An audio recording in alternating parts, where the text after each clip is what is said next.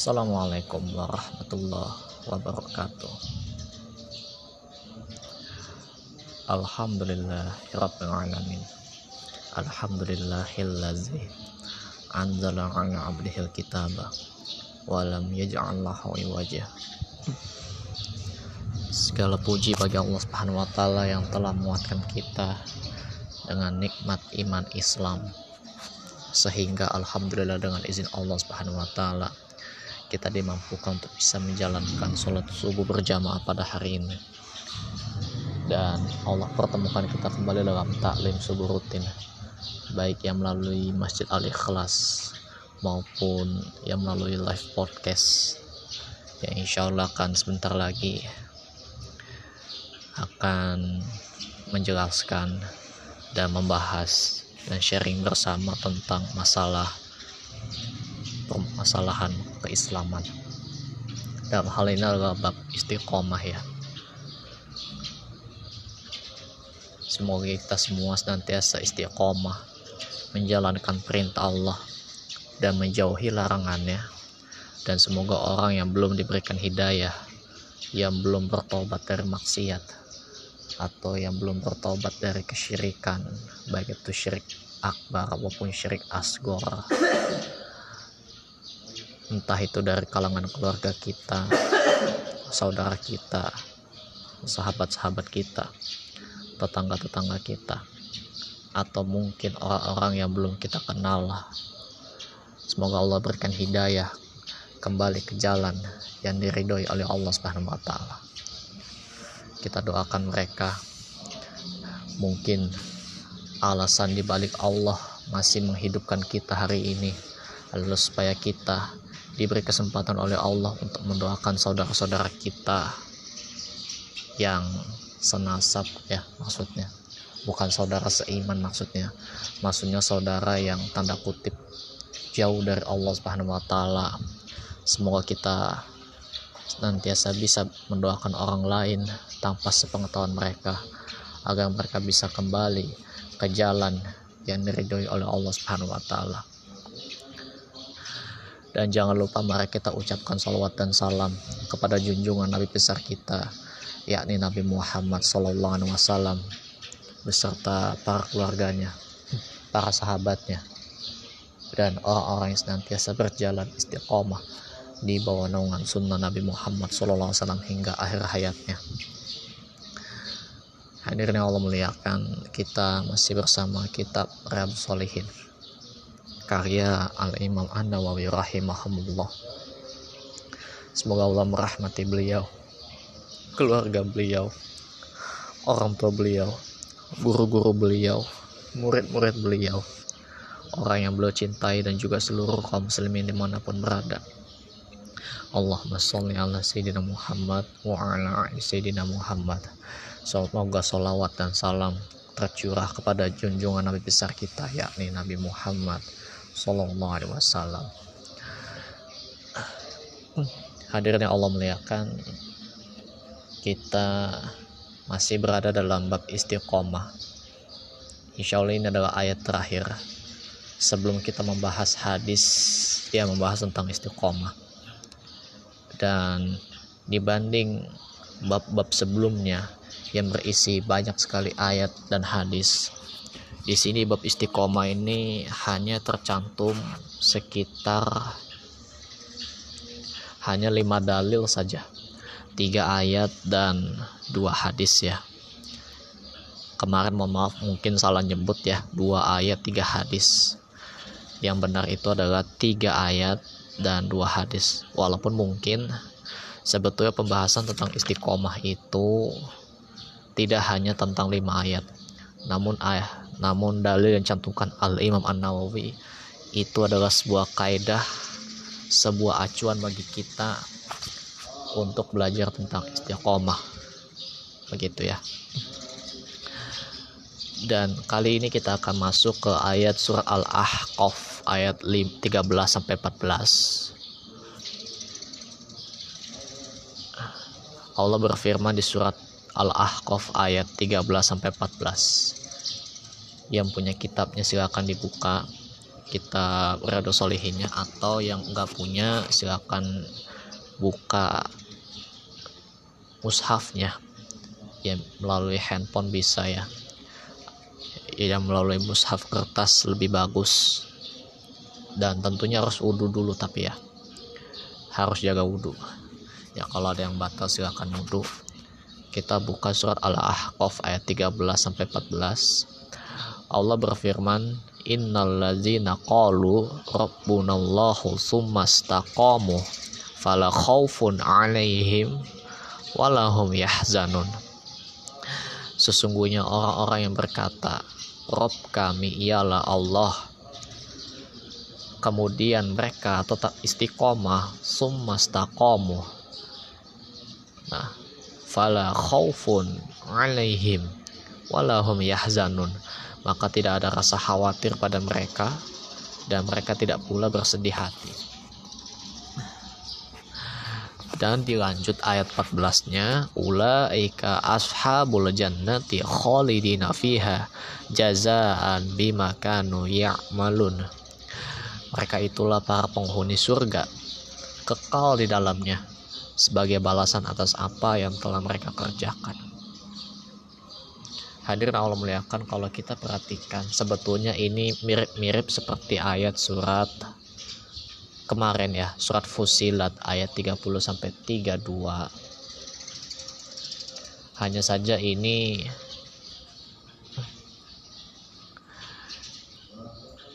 hanya saja di ayat kemarin surat Fusilat ini Allah memberikan kabar gembira kepada orang-orang beriman bahwasannya kepala mereka beriman dan tetap istiqomah. Dan kita udah jelaskan pokok istiqomah itu adalah istiqomah hati di atas tauhid kata alimum Ibnu Rajab Al-Hambali. Maka insya Allah Allah akan hadiahkan kepada yang beriman itu adalah surga. Dan di ayat surat Al-Ahqaf ini adalah pernyataan dari Allah untuk kita semua tentang orang-orang yang beriman. Jadi ini sebuah pengingat ya bahwasannya Allah Subhanahu wa taala tidak main-main dengan pernyataan ini. Bahwasannya orang-orang yang benar-benar istiqomah di jalan Allah Subhanahu wa taala tetap berada di jalan yang lurus maka tidak ada rasa kekhawatiran pada mereka tidak ada rasa khawatir pada terhadap apa yang akan menimpa mereka di hari akhir ya. Maksudnya di akhirat nanti. Karena apa yang sudah mereka lakukan insya Allah sudah sesuai dengan apa yang telah Allah syariatkan dan apa yang Allah ridhoi. Dan mereka tidak pula bersedih hati yang kemarin kita udah jelaskan. Tidak sedih terhadap sesuatu yang mereka tinggalkan di dunia orang beriman itu akan senantiasa merasa lebih bahagia dengan apa yang akan mereka dapat di akhirat. Sekalipun mereka orang kaya, namun mereka akan lebih berbahagia bila mereka nanti uh, uh, masuk dalam surganya Allah Subhanahu wa taala. Karena sekaya-kayanya manusia di dunia, kita kemarin udah bahas itu masih sangat kecil dibanding akhirat dibanding akhirat. Dan hadiahnya pun berupa surga seluas langit dan bumi. Sedangkan kita di dunia ini saja mau sekaya-kayanya kita kita nggak menguasai dunia nggak kita nggak menguasai bumi dan langit ya hadirin. Begitu. Sekaya-kayanya kita kita punya apartemen. Sekaya-kayanya kita kita hanya punya mobil. Walaupun mobilnya dua dua dua mobil dua motor mau nominalnya berapapun juga gitu kan. Tapi sekaya-kayanya kita di dunia hanya di tempat tertentu saja. Tidak meluas sampai ke dunia. Gitu. Sekaya-kayanya kita. Tapi di akhirat nanti orang-orang yang beriman tanpa pengecualian baik itu orang yang kaya maupun yang miskin namun mereka yang istiqomah dalam keimanan mereka akan Allah masukkan ke dalam surga. Nah, yang Allah janjikan kepada orang-orang yang beriman. dan sebetulnya penjelasannya kurang lebih mirip seperti apa yang sudah disampaikan kemarin ya ayat ini. Hanya saja saya insya Allah kita akan mempelajari sesuatu yang sangat penting ya insya Allah ini bisa mempertegas mempertegas apa itu tentang istiqomah. Supaya kita benar-benar memahami kaidah dasarnya. Kebanyakan dari kita mohon maaf ya memang tidak mempelajari sesuatu dari kaidah umum kaidah khusus kaidah mutlak. Sehingga dalam beramal menjalankan perintah Allah itu didasar tidak didasari dengan dasar yang kuat tidak didasari dengan kaidah yang benar. Jadi ngasal gitu ya. Ngasal mengartikan sesuatu. Kayak kemarin kita membahas tentang sabar. Iya saya sabar. Tapi sabarnya setelah tiga tahun kena musibah. Mas musibah yang sudah agak kecil baru bilang sabar gitu. Yang sudah agak menurun intensitasnya baru bilang dia bisa sabar yaitu bukan sabar. Sabar tuh di awal kata Nabi SAW kalau tidak sabar di awal maka itu bukan sabar namanya. Dan kemarin kita juga udah jelaskan dalam masalah tawakal misalnya. Kalau orang belum memahami kaidah tawakal maka sekarapmu gitu. Orang bilang bekerja ya udah kerja saya. Saya bekerja dari pagi sampai malam saya bertawakal kepada Allah Subhanahu wa taala. Saya serahkan hasilnya, mau sedikit mau banyaknya. Iya, sedikit sama banyaknya bagus untuk diterima. Hanya saja caranya yang kebablasan, berlebihan gitu. Berlebihan. Kenapa disebut berlebihan? Memang kita dalam mencari nafkah itu nggak ada seseorang yang kita tanggung nafkahnya. Istri sama anak kita juga kan tidak hanya memerlukan nafkah lahir seperti duit misalnya sandang pangan papan. Tapi kan juga ada nafkah batin untuk istri. Istri ingin curhat. Pas siapa lagi kalau nggak ke suami? Masa mau jadi ember? Cerita-cerita ke tetangga. Akhirnya terbongkar aibnya seterusnya. Itu karena hak istri untuk mendapatkan tempat sandaran ternyaman dari suami tidak didapat oleh suami. Suami hanya bisa memberikan dia duit duit duit aja. Namun minusnya nafkah batinnya tidak diperhatikan oleh suami kepada istri maka istri merasa tetap tidak, diperhatikan.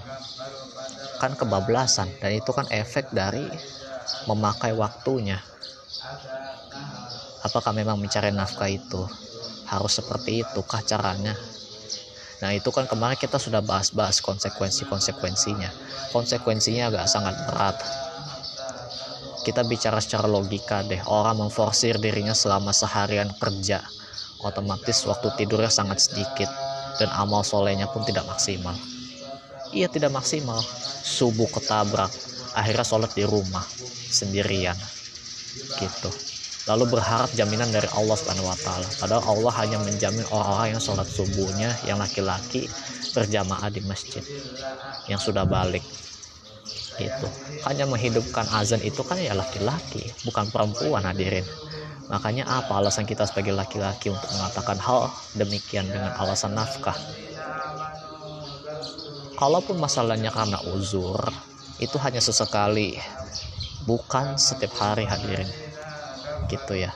Alasan untuk bayar hutang dan seterusnya itu mah hanya alasan saja hadirin. Bayar hutang pun juga memang harus bayar utang misalnya. Tapi kita sebenarnya nggak bahas tentang masalah itu.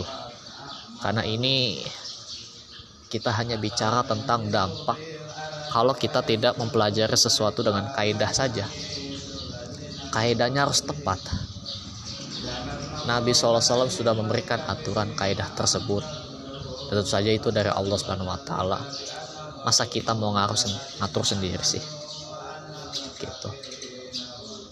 Dan kita hari ini sudah menjelaskan bukan hari ini ya kemarin sudah menjelaskan tentang pokok istiqomah itu apa. Nah ini kaidah pokok istiqomah ini dan ini sebuah kaidah. Dan kita jangan miss lagi di bagian ini. Jangan salah lagi di bagian ini. Gitu mengenal hakikat istiqomah akan membawa kita kepada kesimpulan. Ini penegas bahwa dasar istiqomah pokok istiqomah adalah istiqomah hati. Ini perlu dicatat ya. Ini benar-benar penting. Sekali lagi saya tadi sudah bilang dan ini sebenarnya tidak perlu dibilang lagi. Kita harus pahami kaidahnya kalau tidak kita menjalani sesuatu dengan ngasal. Sekarap dewek konon kalau bahasa gaulnya mah. Atau ngawur. Bilangnya dia merasa dirinya sudah melakukan hal yang benar padahal ternyata keliru. Tapi kan niat saya baik. Niat yang baik juga harus dengan cara yang benar. Nah maka dalam istiqomah ini kita harus memahami dulu dasarnya istiqomah atau pokok istiqomah itu adalah istiqomah hati. Hal ini dijelaskan Rasulullah SAW dalam hadis riwayat Ahmad dari Anas bin Malik. La yastaqimu imanu abdin hatta yastaqima qalbuh tidak istiqomah iman seorang hamba hingga istiqomah hatinya. Saya ulang artinya saja ya tidak istiqomah iman seseorang iman seorang hamba hingga istiqomah hatinya gitu ya Jadi hadirin yang Allah muliakan, kemarin kita udah jelaskan istiqomah secara bahasa. Masih dari kata Alimam Ibnu Rajab itu adalah jalan yang lurus. Sebetulnya nggak usah pakai kalimat tetap atau konsisten ya. Karena makna istiqomah itu sudah berarti jalan yang lurus. Maka kalau mau pakai pengertian bahasa demikian, maka kita bisa artikan tidak luruslah jalan hidup agamanya seorang hamba hingga hatinya itu mengikuti ketentuan Allah Subhanahu wa taala. Jalan yang lurus itu berarti jalan yang Allah ridhoi, yang sudah Allah tentukan, yang sudah Allah syariatkan kepada kita semua, yang sudah disampaikan oleh Rasulullah SAW, itulah jalan yang lurus. Gitu. Tidaklah lurus jalan hidupnya seorang hamba ini, keimanannya, hingga hatinya mengikuti ketentuan Allah Subhanahu wa taala tadi. Kalau hati yang mengikuti ketentuan Allah Subhanahu wa taala, maka insya Allah imannya akan istiqomah. Insya Allah imannya nanti tidak akan bercampur dengan kesyirikan dan lain seterusnya. Begitu ya pemahamannya. Nah dengan demikian istiqomah itu tergantung kepada istiqomahnya hatinya. Imam Ibnu Rajab menjelaskan hal ini. Pokok istiqomah adalah istiqomah hati di atas tauhid. Sebagaimana firman Allah di surat Fusilat ayat 30 yang kemarin kita udah baca, Innal ladzina qalu rabbunallahu tsumma. Walaupun ayatnya sama seperti yang tadi barusan kita baca di surat Al-Ahqaf tadi Sesungguhnya orang-orang yang mengatakan Rob kami ialah Allah Kemudian mereka meneguhkan pendirian mereka Atau istiqomah Nah ditafsirkan Abu Bakar dan selainnya Sehingga bila hati istiqomah dalam mengenal Allah Istiqomah takut kepada Allah Istiqomah mengagungkan Allah dan istiqomah dalam rasa takut serta kecintaan pada Allah. Juga istiqomah di atas kehendak pengharapan, doa dan tawakal kepada Allah, serta berpaling dari selain Allah. Maka seluruh anggota badan istiqomah di atas ketaatan kepada Allah Subhanahu wa taala. Nah, ini lebih jelasnya bisa dicek dalam artikel bimbingan Islam. Kategori adab dan akhlak ya. Karena pembahasan istiqomah itu adalah tentang akhlak. Akhlak kepada Allah Subhanahu wa taala tentunya.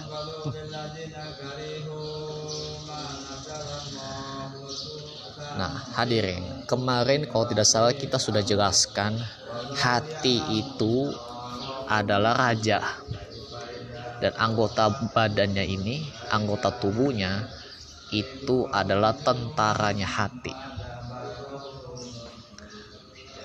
apabila rajanya istiqomah maksudnya hatinya istiqomah maka tentara dan rakyatnya juga akan istiqomah yaitu tangan anggota tubuh lainnya juga akan istiqomah dasarnya adalah dari hadis dalam Sahihain dari Al-Nu'am bin Bashir radhiyallahu anhu. Beliau berkata aku mendengar Rasulullah SAW bersabda Allah inna fil jasadi mud mud mudfatan mudgotan iza solahat solahal jasada kullu. Wa iza fasadat fasada jasadu kullu. Ala wahiyal qulba qalbi. Ketahuilah sesungguhnya dalam tubuh ada segumpal daging. Apabila baik maka baik seluruh tubuhnya. Dan bila rusak maka rusak seluruh tubuhnya. Ketahuilah bahwa itu adalah hati. Kalau tidak salah hadis ini pernah dibahas dalam bab satu ya dalam bab satu yaitu bab ikhlas dan menghadirkan niat. Ini tentang masalah niat.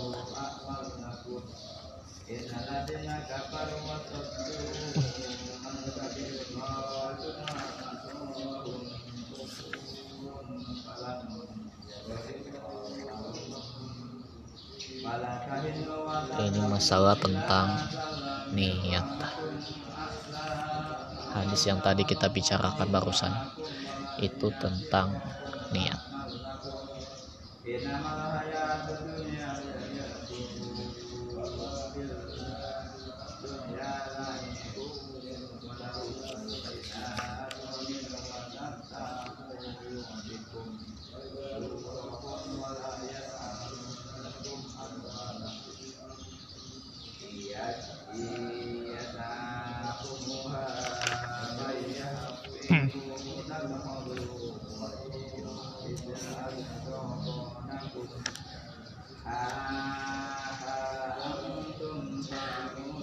dia ketemu.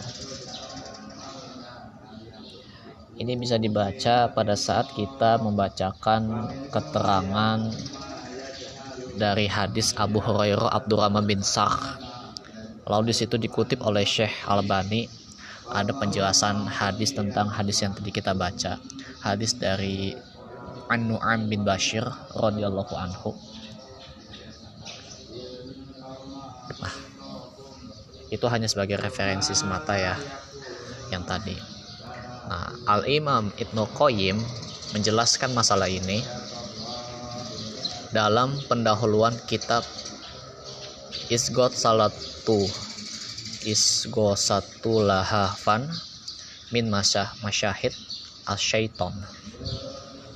Agak sulit ya emang ya. Ketika hati dibanding anggota tubuh seperti raja yang bebas mengatur tentaranya yang bergerak dengan perintah hati dan menggunakannya menurut sesuka hati maka seluruhnya berada pada kekuasaan dan anggota tubuh mendapatkan darinya keistiqomahan dan penyimpangan dan mengikuti hati pada semua yang diyakininya berupa tekad atau selainnya maka Nabi SAW bersabda ala wa inna fil jasadi mudghatan iza solahat solahal jasada. Jasada kullu Allah wahiyya kolbu ketahuilah sesungguhnya dalam tubuh ada segumpal daging. Apabila baik maka akan baik seluruh tubuhnya. Dan bila rusak maka rusaklah seluruh tubuhnya. Ketahuilah itu adalah hati jadi bukan otak ya. Jadi bukan otak. Ada yang bilang tuh orang kenapa sih bikin kejahatan? Isi otaknya apa kali?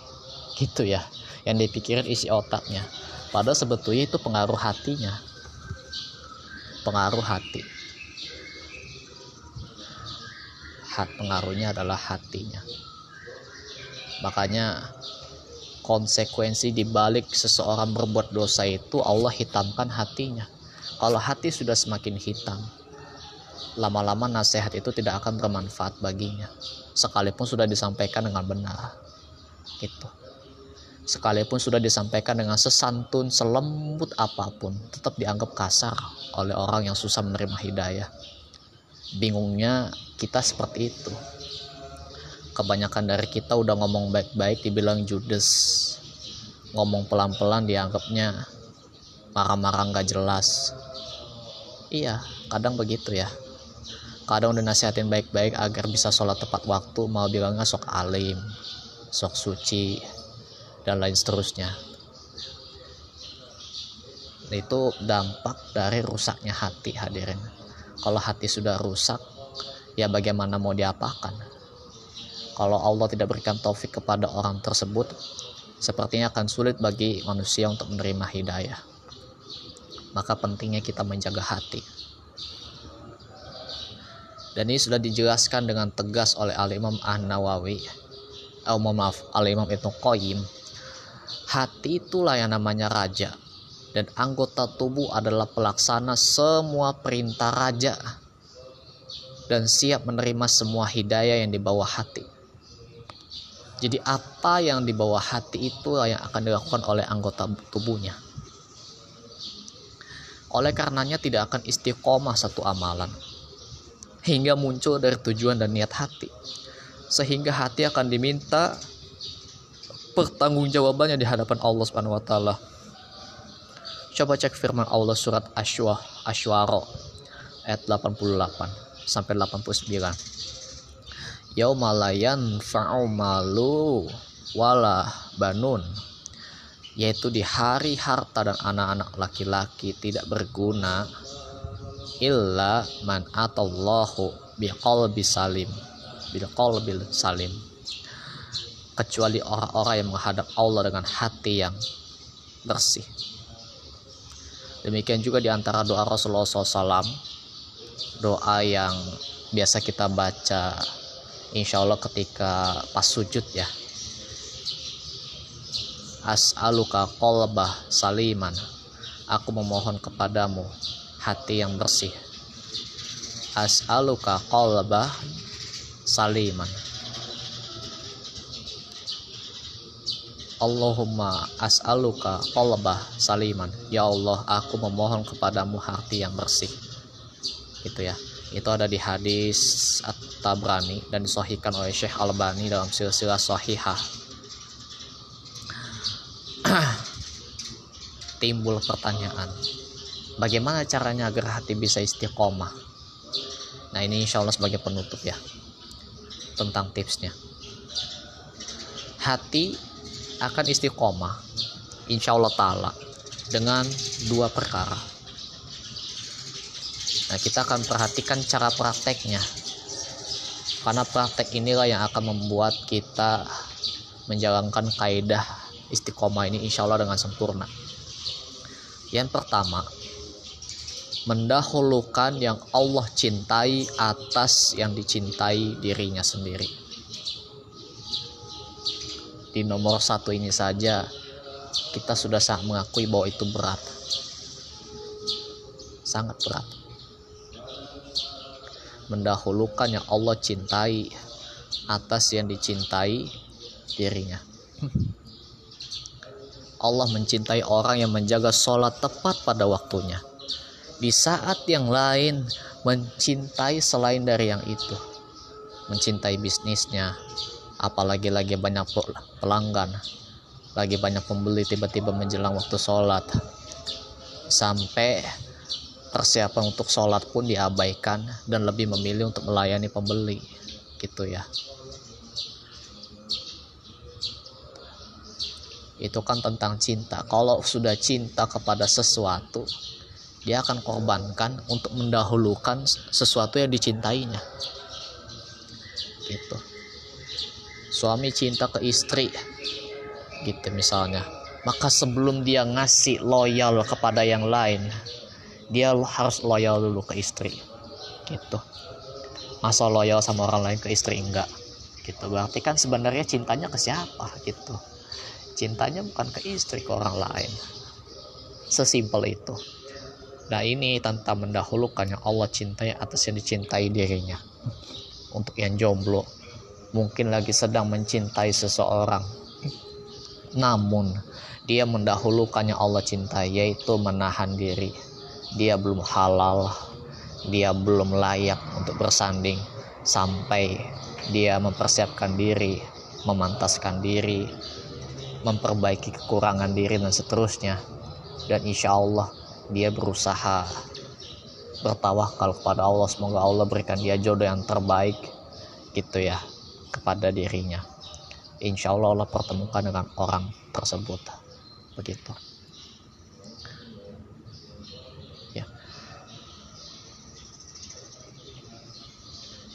kalau nomor satu ini insya Allah bisa dijelaskan oleh ustadz lain ya yang bisa memah menjelaskan maksud yang kedua mengagungkan perintah dan larangan yang menjadi akibat dari pengagungan pemberi perintah dan larangan yaitu Allah Subhanahu wa taala. Seorang kadang melaksanakan perintah untuk dilihat orang lain dan untuk mencari kedudukan. Nah, ini kenapa poin kedua ini sangat ditekankan ya. Mengagungkan perintah dan larangan yang menjadi akibat dari mengagungkan pemberi dan perintah dan larangannya itu Allah. Kenapa bisa demikian? Tadi kita udah jelaskan. Seseorang terkadang melaksanakan perintah untuk dilihat orang lain dan untuk mencari kedudukan. Bukan karena mengagungkan Allah taala. Gitu ya. Salat sih salat itu untuk mengagungkan syiar Allah Subhanahu wa taala sebetulnya.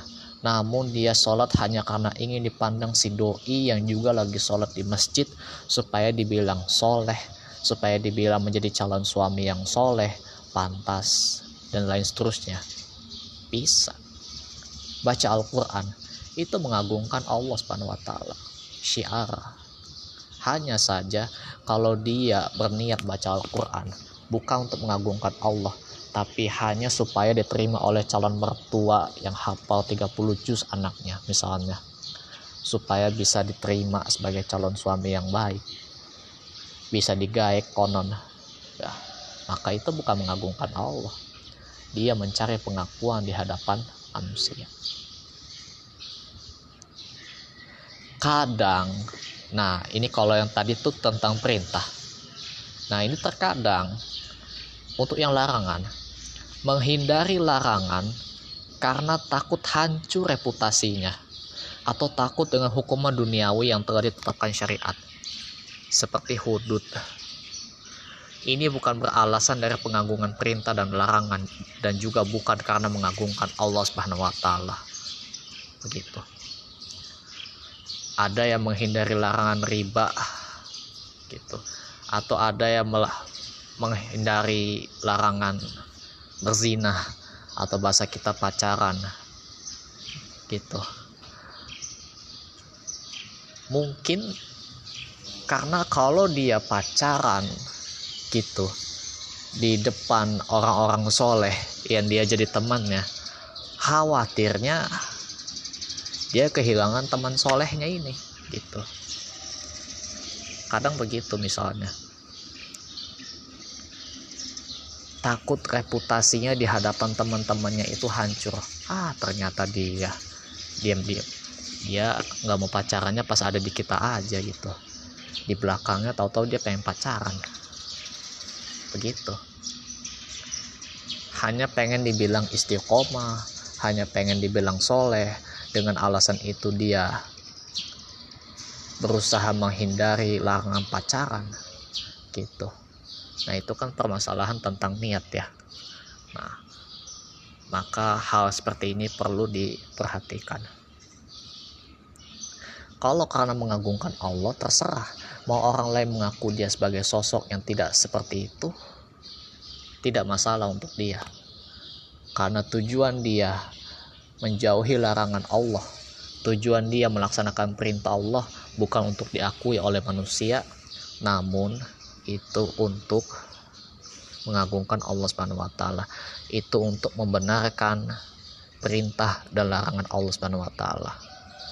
dan itu untuk membuktikan bahwa dia mengikuti bahwa dia ingin digolongkan sebagai orang yang bertakwa karena perintah dan larangan itu itu sudah dibahas dalam bab takwa ya takwa itu secara istilah dari Hasan Al Basri itu adalah menjalankan perintah dan menjauhi larangan. Walaupun sebagian ulama lain juga sepakat tentang pengertian takwa seperti itu secara umum. Ya.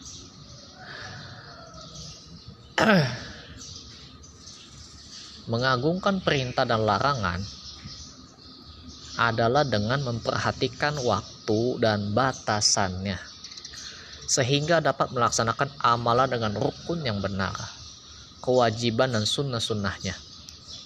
Dan juga bersemangat untuk menyempurnakan dan bersegera melaksanakannya.